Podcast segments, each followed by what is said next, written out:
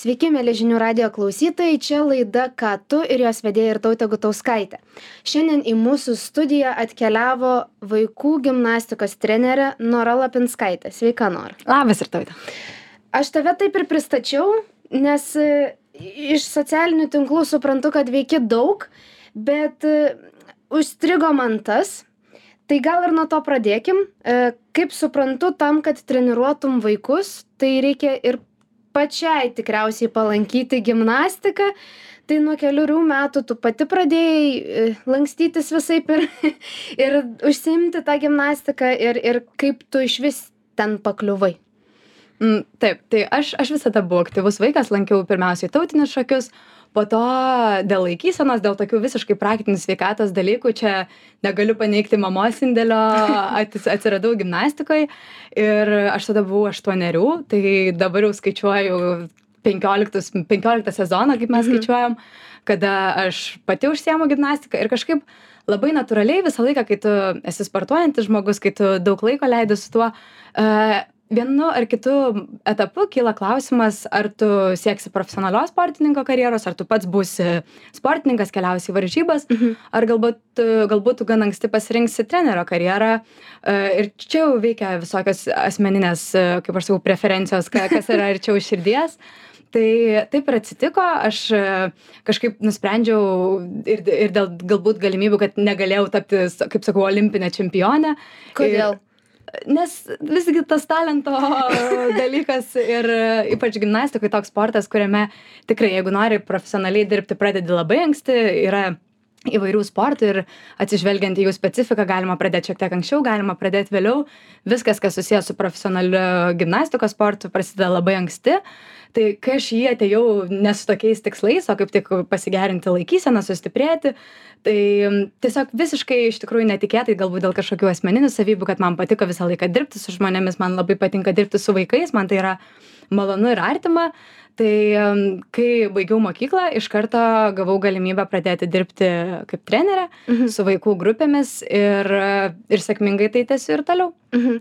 E, Kalbėjai apie laikyseną, kad būtent tai tikriausiai pastumėjo būtent į gimnastiką, bet vis tiek tapai trenerė, tai turėjo sužavėti kažkuo tas sportas, ar ne? Tai kuo jisai e, pastumėjo link, link buv, tapimo trenerė ir, ir kuo jis iki dabar žavė, ar ne? K kodėl? Galbūt pradėsiu viską nuo kito galo, kodėl dar vis dabar žavi, tai uh, nežinau, mane tas darbas su vaikais jisai įsuka. Man ten, aš kaip sakau, tai yra mano scena. Aš ateinu, aš dirbu kelias dienas per savaitę, aš ateinu ta, į vaikų salę ir man tai yra didžioji mano scena, jie mane myli, dauguma tikiuosi. Ir, ir aš to mėgaujuosi. Tai yra nuo visų šalia dalykų, ką aš veikiu, tai yra proga kažkaip pabėgti šiek tiek, e, nežinau, tiesiog pasisemti visiškai naujų emocijų, ką, ką gali atnešti tie vaikai. Ir aš kai kiekvienais metais vis kalbu su savo draugais, e, sakau, kad va, prasideda mano naujas sezonas, tai aš iš naujo gaunu 90 maždaug vaikų ar kažkas Ojei. tokio. Tai yra, tai yra tiesiog galimybė, man atrodo, labai, labai daug gražių dalykų padaryti per tuos metus. O kodėl taip ilgai ta meilė tęsiasi, tai pradžioje jinai buvo jokia nemeilė, buvo gan e, daug disciplinos reikalaujantis Mhm. darbas, kai tu nori žaisti kieme, kai visi žaidžia, um, o tu eini treniruotės ten, nežinau, keturis kartus per savaitę ar kažkas tokio.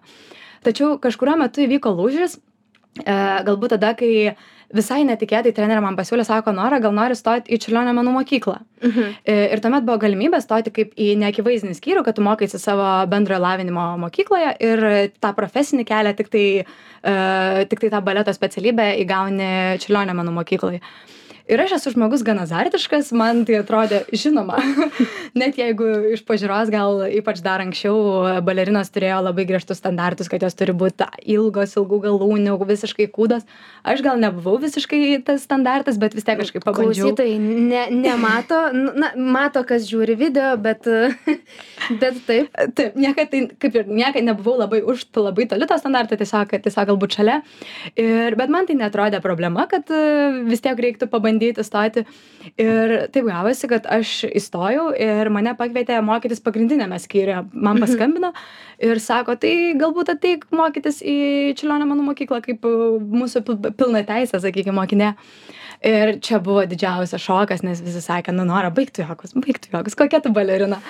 Bet um, tai galbūt tiesiog manau kad tai buvo tas lūžis kad gal visgi iš to kažkas gali ir išeiti man tai yra smagu tai yra azartiška kad kuo daugiau Mhm. padarytum galbūt sudalyvaut kažkokiose nežinau varžybose koncertuose tai niekad nebuvo mano pagrindinė galbūt veikla veikla ką aš veikiu bet e, vis tiek neatsiejama to dalis Mhm. ir Tai perėjo nuo, laik, nuo laikysenos patobulinimo iki, iki visai azartiško Taip. žaidimo. Taip, kažkokia, kad e, ir aš, e, nežinau, galbūt buvau apie 16, kai pradėjau šiek tiek dirbti kaip trenerės asistentė, jeigu kartais reikia ar pavadavimo, ar kažko, ir tai aš tiesiog, nu, aš degiau tuo, tai galbūt tai, tai ir skatina, tai ir tapo priežastimi, kodėl iki dabar viskas tęsiasi.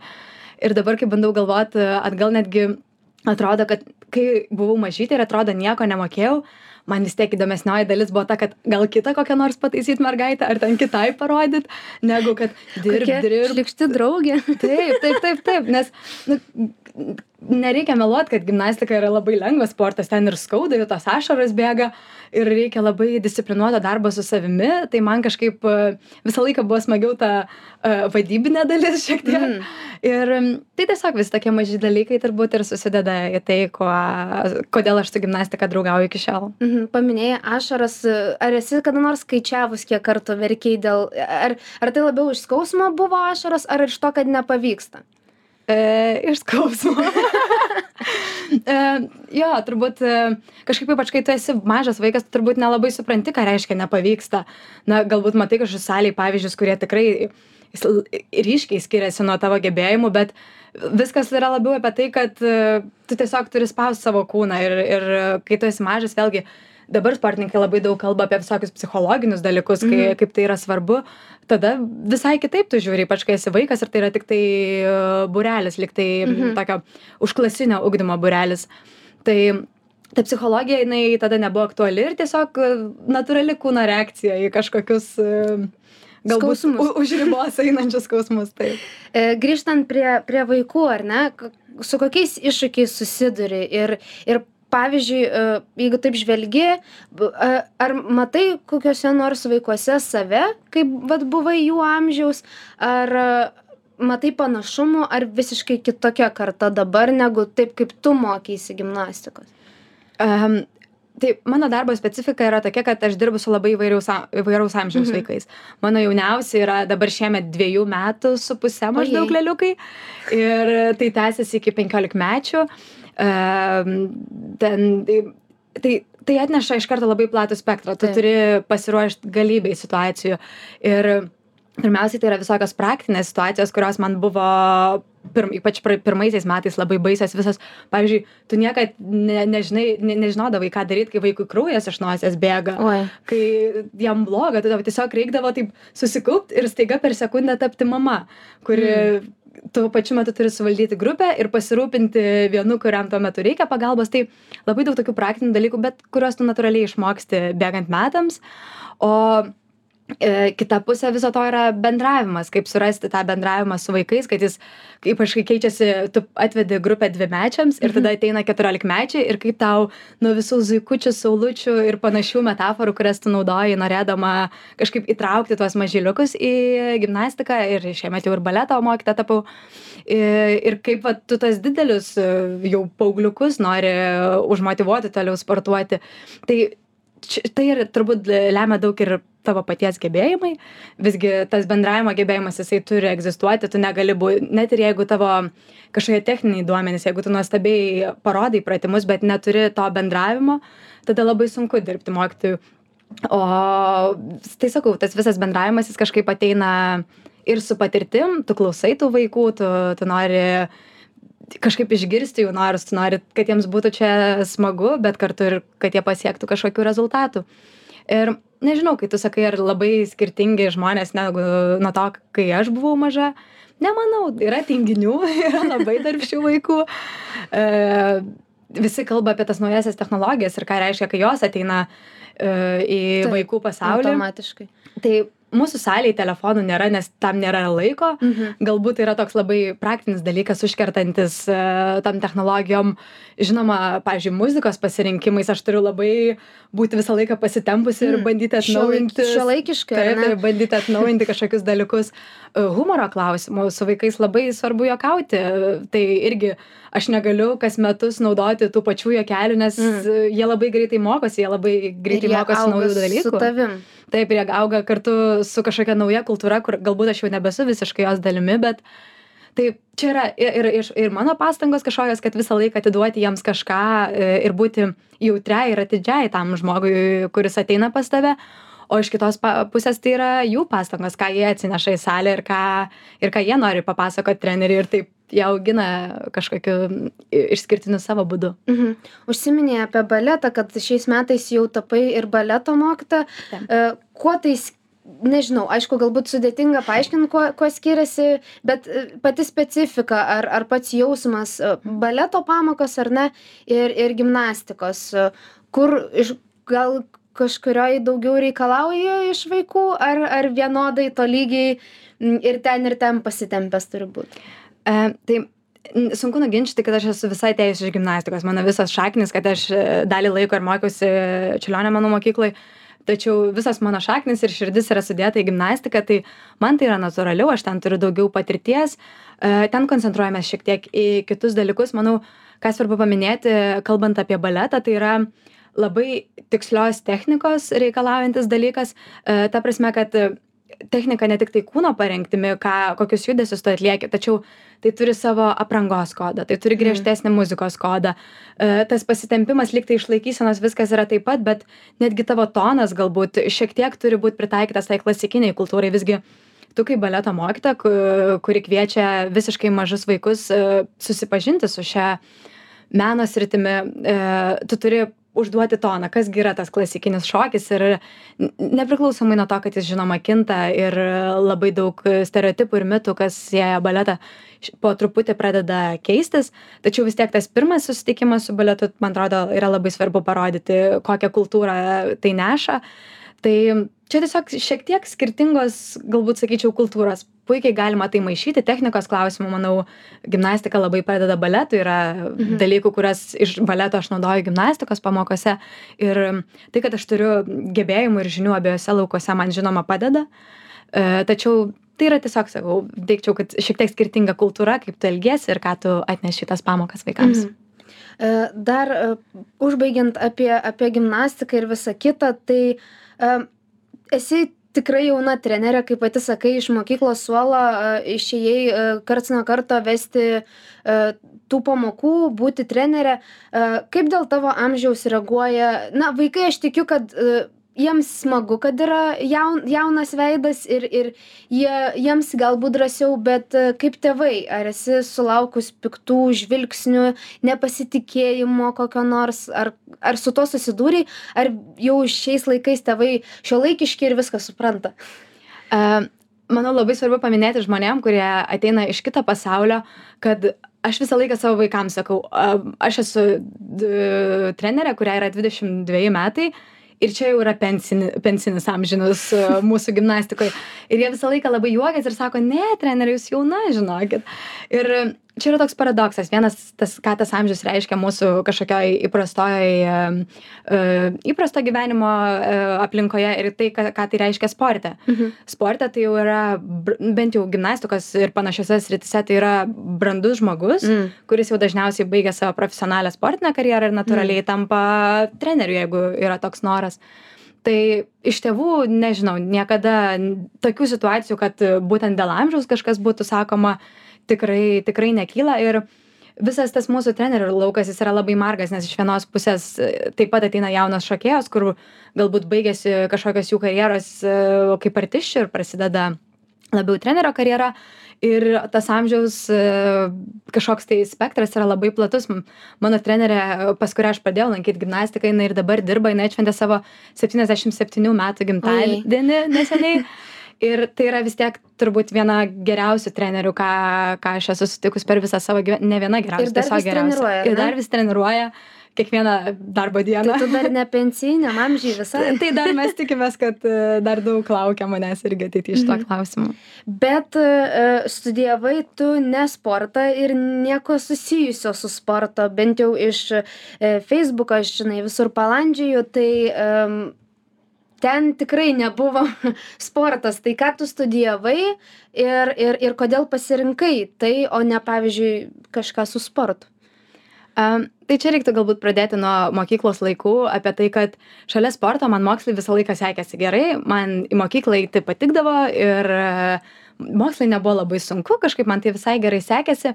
Ir kai atėjo tas laikas, kai reikia rinktis, ką, ką norim, į ką reik, norėčiau specializuotis, ką norėčiau toliau studijuoti, e, sportas labai reikalavo biologijos. Tai aš, nes aš į sportą žiūriu profesionaliai, kiek galima ir man atrodo, kad jeigu tu nori būti profesionalus uh, treneris, tu turi turėti kinezoterapijos pagrindus, kad Mhm. galėtum e, tiesiog suprasti žmogaus kūną iš pagrindų. Tai buvo šita labai didelė atšaka, uh, kurios reikėjo norinti profesionaliai kažkaip studijuoti su tais susijusius dalykus. Ir iš kitos pusės man labai sekėsi kalbos, man sekėsi istorija, humanitariniai mokslai. E, Aš esu gan kalbus žmogus, man ta komunikacija visą laiką buvo labai natūralus mano pradas. Mhm. Tai kai atėjo laikas rinktis, aš pasirinkau, kad tas profesinis kelias kol kas jisai yra šalia manęs visą laiką, kaip amatas, ką aš per daug metų įsidėjau į savo kraitį. Ir pasirinkau studijuoti skandinavistiką Vilniaus universitete. Tai yra skandinavų šalių kalbos, kultūra ir istorija, kad tai netrodytų labai siauras rytis. Ir švedų kalba buvo mano pagrindinė, e, kaip ir pagrin- pagrindinis dalykas, ką, į ką aš specializavausi. Ir nuo to laiko pradėjo dar iškiau išsiskirti dvi tos mano, kaip sakau, gyvenimo šakos, e, kurios visus e, tos bakalauro metus taip ir persipinė viena su kita.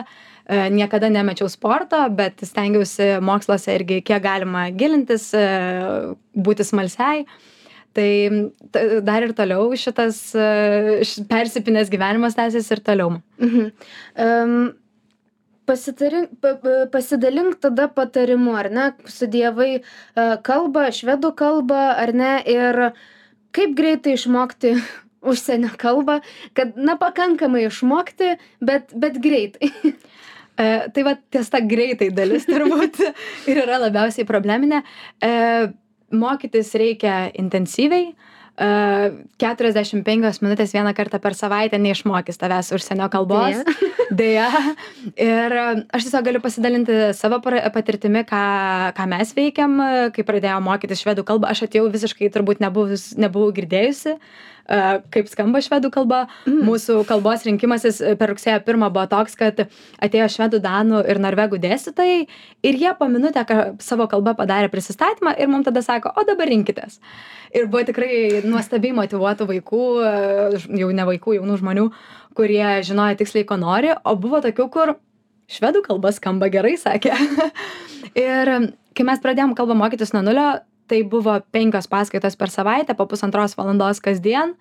Tu gauni namų darbus, tu gauni kokybišką labai įvairią medžiagą Mhm. ir po pirmų metų tokio intensyvaus darbo mes kalbėjom švediškai.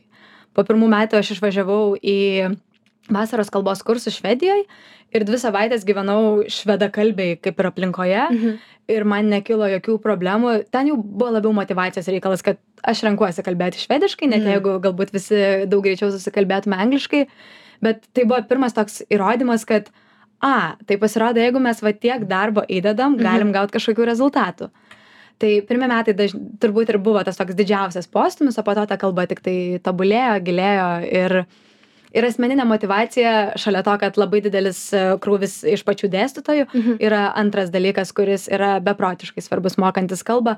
Tu turi žiūrėti į namų darbus rimtai, tu turi atrasti kažkokių galbūt dalykų, kurie tau yra įdomus ir juos paversti savo kažkokiais pomėgiais švedų kalba. Tiesiog tai yra šiek tiek pokytis gyvenimo būde ir tuomet rezultatai ateina gan greitai. Tai žodžiu, klausytojai, e, jeigu kiekvieną dieną po valandą su pusę, ar ne, Su profesionalia pagalba. E, su profesionalia pagalba ir taip mokslo metus, tai galima išmokti. e, Nuo na, nulio. kaip čia galima sakyti greitai? Nu, saliginai greitai, Taip. tikrai. Um, ar kur nors pritaikei tą švedų kalbą turiu omeny ar ar ji pasitarnavo kaip įrankis dar kitose veiklose ar ar taip ir liko tiktais pabaig pabaigtom studijom ir viskas E, tai dar studijuodama universitete aš išvažiavau į pagal Erasmus programą į mainus ir gyvenau Stoholme. E, Buvo keisti metai dėl to, kad tuomet buvo karantinas. Aš e, per visus tos metus nei kartą nenuėjau gyvai į Stoholmo universitetą, viskas buvo nuotoliniu. Nei kartą gyvai nemačiau savo kurso draugų, tačiau gavau progą pagyventi visiškai, bent jau aš jaučiausi, kad kaip visiška švedė Stoholme. Mhm. Ir e, tas paprasčiausias dalykas, kad e, jeigu tu prie kasos tavęs kažko paklausia, tu gali atsakyti švedų kalba, kad ir galbūt šiek tiek laužyta, jie tikrai girdi, kad tu nesi gimta kalbis, ypač bet pradžioje. nesmerkia Bet, e, kaip kada. Visko būna, bet e, tiesiog tai priduoda labai daug laisvės, tu atvažiuoji į visiškai naują šalį ir tu matai, kad tau tai yra gan atvira dėl to, kad tu moki kalbą. Ir tau nereikia prašyti išversti kažkokių, galbūt, nežinau, kelio ženklų arba e, važiuojant viešuoju transportu kažkokių taisyklių, kaip nusipirkti biletą. Tu tiesiog vienaip ar kitaip įsilieji daug laisviau į tą kultūrą. Tai čia buvo toks tokia pilna patirtis, kaip ką reiškia gyventi kitoje šalyje, kai tu moki tos šalies kalbą, nes jie žinoma labai stebisi, kodėl tu iš Lietuvos sugalvoji mokytis švedų kalbą. Ir tada tu jam aiškini, kad Skandinavija, Lietuva turi daug visokių bendrų interesų ir kažkokių galbūt vystimosi krypčių ir jam tai vis tiek atrodo labai keista. Um, O antras pavyzdys, kur visiškai praktiškai buvo pritaikyta, tai aš dirbau banke, dirbau banke su švedų klientais Mhm. ir tiesiog tai, kad tu moki kalbą, e, bankui garantuoja, kadangi nepaslaptis, kad Lietuvoje yra daug švedų bankų, Taip. E, tai jiems tai garantuoja kažkokią greitesnę komunikaciją su klientu, greitesnės em, sistemų įsisavinimo kažkokius procesus. Tai tokia visiškai, galima visiškai puikiai pritaikyti. Tai visą laiką juokiuosi, kad žmonės, kurie nežino, ką veikti studijuojant filologiją, klau- klausdavo, ai, nu tai būsi mokytojas, gidas arba vertėjas. Ir tada, kai dirbi bankė, atrodo, ai, nu gerai, gal, gal, gal kažkas ir išeis iš tavęs. E, Mes dar pratęsime pokalbį, bet dabar e, trumpa pertraukėlė. Grįžtame į studiją, mėly žinių radio klausytojai. Čia laida Ką tu ir e, mūsų studijoje vaikų gimnastikos ir baleto pasirodo trenerė Nora Lapinskaitė. Ir mes e, prieš pertraukėlę kalbėjomės e, apie tai, kaip e, yra kita trenerio gimnastikos ir, ir baleto pusė. Tai yra ir, ir kitas, kitas gyvenimas. Noros atveju tai yra kalbos. Ir aš net ir buvau užsirašius, vat paminėjai tą vertimą, ar ne, nes kai tu galvoji apie filologą, tai vat kaip ir tu sakai, e, vertėjas, mokytojas, taip, E, bet, e, na, įrodai, kad, kad galima ir kitur pritaikyti tą kalbą, bet kaip suprantu, ir toliau studijuoji, tik jau nebe kalbas, ar, ar susiję jie dabar ir toliau magistras su kalbom?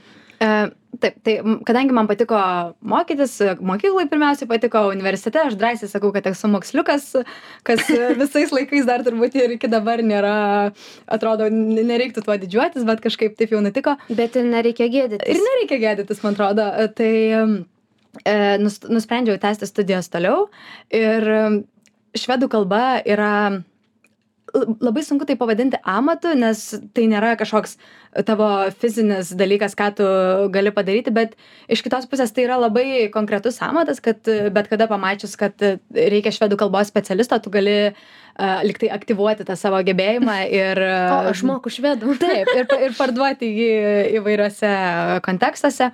O aš toliau nu, tęsiu studijas Vilniaus universitete ir dabar studijuoju semiotiką. A, Kas toliau yra... Keistas žodis, Taip, nežinau, ką reiškia. Tuo prieisim. A, Kas toliau yra mm, filologijos e, universitetas, aš Mhm. likau tame pačiame universitete. Ir vi- visi manęs per šitos pusmetį turbūt nuo, nuo to, kai pradėjau galvoti apie semiotiką, klausė, tai kas ta semiotika, ką tu mokysies? Keistas Tai- žodis, kaip sakau. labai, taip, kaip, kaip rašytų Wikipedia, tai yra mokslas apie reikšmės, o kas su tuo ateina, tai yra labai labai platus laukas, tai yra labai platus laukas tau pačiam kaip individui e, pasirinkti, kas tau yra įdomu ir e, visa tai pirmiausia ateina iš kalbos, iš literatūros, tačiau dabar yra išsiplėtoję į kiną, į, kiną, į architektūrą, į politinį diskursą. Tai žodžiu, visur ieškot reikšmių, ar taip, ne? Taip. Aš, mhm. aš mačiutis visą laiką sakau, kad aš dabar mačiute dar nežinau, ką aš studijuoju, bet kai pabaigsiu, tai jau tada galbūt galėsiu pasakyti. Tai yra tiesiog gan daug teorijos turintis mokslas, man tai yra įdomu, man tai yra smalsu ir aš negaliu sakyti, kad tas dalykas, e, kad tai nėra praktiška, ne, nekirba kažkur e, galvoje visą mhm. laiką, tačiau kol aš galiu sau leisti, kol um, tikrai turiu galimybės toliau studijuoti, tai man atrodo puikiai puiki proga kažkaip pirmiausiai praplėsti ir savo kaip asmenybės akiratį, bet uh, kartu ir įgauti kažkokį naują mąstymo e, spektrą, nes visi dalykai, kurie nėra apie kažkokius labai konkrečius dalykus, jie vienaip ar kitaip verčia tave surasti naują žiūros tašką, kaip tu žiūri į pasaulį ir liktai užsidėti, mum ir dėstytojai dabar sako, kad uh, baigę šias studijas užsidėsi tokius lik semiotiko akinius ir visą pasaulį matysit šiek tiek kitaip. Tai, reikšmėmis. Reikšmėmis, taip, reikšmėmis ir jų santykiais. Tai yra daug filosofijos, daug kultūros ir kol kas kiek čia pirmos trys savaitės praėjo studijų ir man tai yra labai įdomu ir man atrodo visai įdomių dalykų atsitiks per šitos porą metų visiem kas studijuoja e, ar bakalaurą ar ar magistrą tai e, linkiu tokio paties užsidegimo e, ar tikslas tapti mokslų daktare ar ar čia tiesiog pasibaigsi magistrą ir ai gal užteks taip jau gavus, kad aš šeimoje turiu pavyzdį, kuris mama, kuri yra mhm. mokslo daktarė, nors visiškai nesusijusi su humanitariniais mokslais. Tai aš tikrai nespjaunu į tą galimybę, kaip ir buvo su gimnastika. Aš niekada neplanavau, bet kažkaip tapau ta trenerė. Taip pat ir su, su mokslu ir visa, visa ta akademinė bendruomenė, ką joje galima nuveikti, ar tai būtų dėstymas, ar, ar, ar vėliau mokslinių darbų rašymas.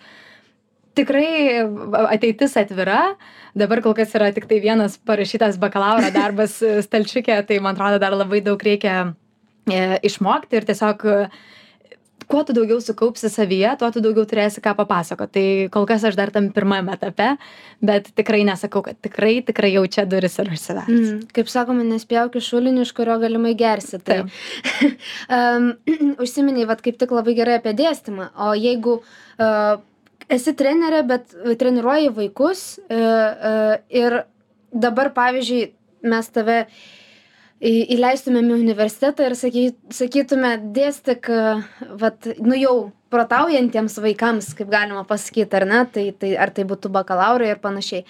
Tai tai vis tiek kita specifika. Ar ar manai kad būtų taip pat smagu ar norėtum dar tos mažių prie mažiukų tų likti Dabar mano vaikai labai įsižeistų, kad tu juos pavadinai neprotaujančiais, ypač tie, kur arčiau dviejų metų, nes jie yra labai protaujantis ir... Atsiprašau. Taip, e, tai šita, e, šita dalis yra nenuginčiama. Tačiau apie dėstymą aš ne, iš vienos pusės negalim nuneigt kad yra kažkoks panašumas kad tu atsistoji prieš auditoriją ir tu nori jai kažką papasakoti. Ar tai yra papasakot savo kūnu ar tai yra papasakot žodžiais turbūt čia jau yra tiktai formos reikalas. Tai manau kad tai būtų įdomi patirtis bet bet tik tikrai pagalvojau apie tai ir kai įstojau toliau į magistro studijas galvojau kad jeigu norėčiau dėstyt tai labai norėčiau dėstyt filologijos fakultete nes man tai davė labai didelius sparnus ir aš atrodo norėtum jauniem žmonėm kurie ateina suteikti tą patį. Tai kol nėra tokios patirties tai yra labai sunku kažką pasakyti bet kodėl gi ne? Kaip sa pakar pa galima tik pakartoti tą patį ką ir minėjom dėl šulinio ten ir ir su spjovimais įvairiais. E, daug veiklų daug skirtingų sričių tikrai ne ne viena. E, o kada pails pailsėti metas ar ne? Kaip tu pailsi? E, nes aš tikiu kad ir pavargstama ir ir taip pat nuo nuo buvimo trenere ir pavargstama nuo kalbos e, svetimos nu jau dabar artimos e, bet e, kur kur tas taškas kur jau ateini pailsėti ir ką darai kai ilsiesi. Čia draugai ir šeima turbūt pasakytų va va čia čia ir yra tas klausimas kur nora turėtų sau atsakyt. Aš visą laiką sakau kai ateinu į sporto salę tai ten yra mano poilsis nuo studijų Mm. o kai sėdžiu universitete tai yra mano poilsis nuo sporto. E, dar taip pat esu ir švedų kalbos mokytoja turiu turiu porą mokinių. Tai irgi ten kai ateini vėlgi kita specifika ir tu ilsisi ilsiesi nuo nuo savo kitų veiklų.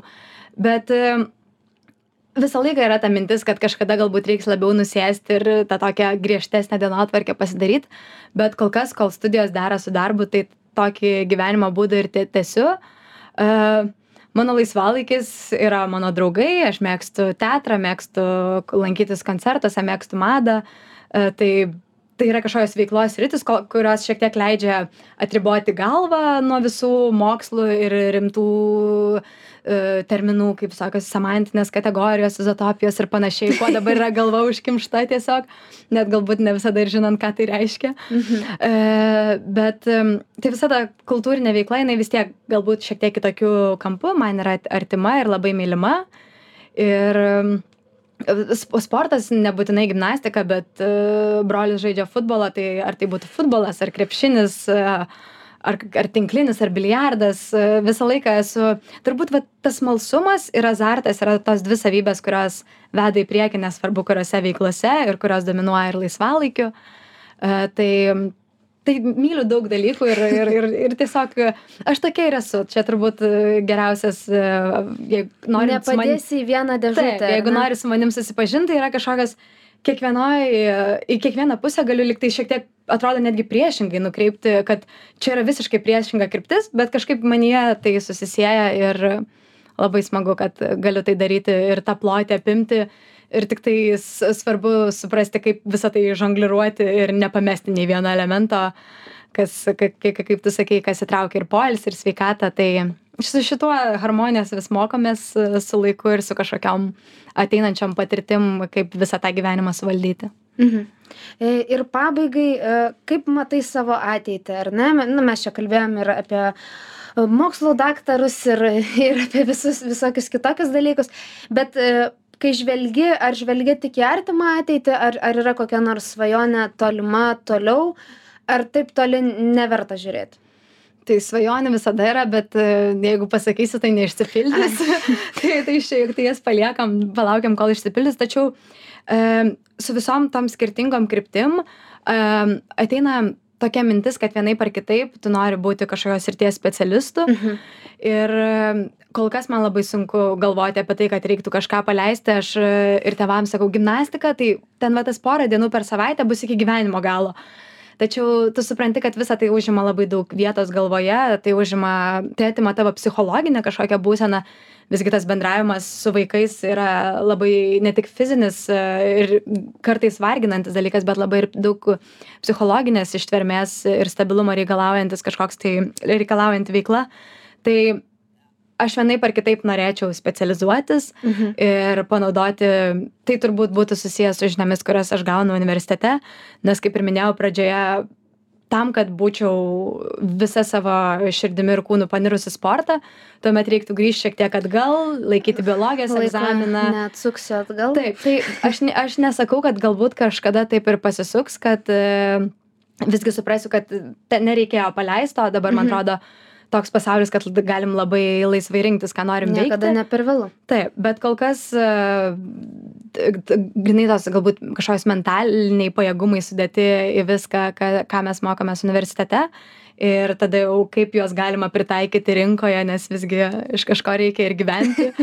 Ir duoną Ir nusipirkti. duo, su švedų kalba bankė buvo dirbti gan lengva, su semiotika žiūrėsim, kaip seksis. Bet, bet manau kažkaip viskas, viskas gerai ir dėl to tiesiog noriu tai, ką darau, daryti profesionaliai Mhm. ir susidėti į save kažkokį tą kraitį, ką po to galėčiau panaudoti. Mhm. Tai aš labai linkiu, kad e, Nora tau, e, na, tu rastum tą kelią, kuriuo galbūt eisi, bet žinoma, kaip pati sakai, šiais laikais e, daug žmonių daro daug, daug dalykų vienu metu ir, ir kartais nesukelia problemų, kartais sukelia, bet linkiu, kad nesukeltų niekas problemų ir, ir e, galbūt ir, na, ir pasimatysim ateityje, kai, kai žinosim, kas, kas ta semiotika. E, Taip, arba kai turėsi kitą profesiją. Tai, e, beli žinių radio klausytojai, čia buvo laida Ką tu, prie mikrofonų buvau aš ir tautė Gutauskaitė ir su manimi kartu e, šiandien buvo vaikų gimnastikos ir baleto trenerė Nora Lapinskaitė. Ir jeigu nespėjote ir tik dabar įsijungite radiją, visada galite perklausyti laidos e, žinių radijos svetainėje arba YouTube platformoje. E, Na, o tiems, kas buvo ir klausė e, ir gal dar vėliau klausys, tai linkiu gerą vakarą.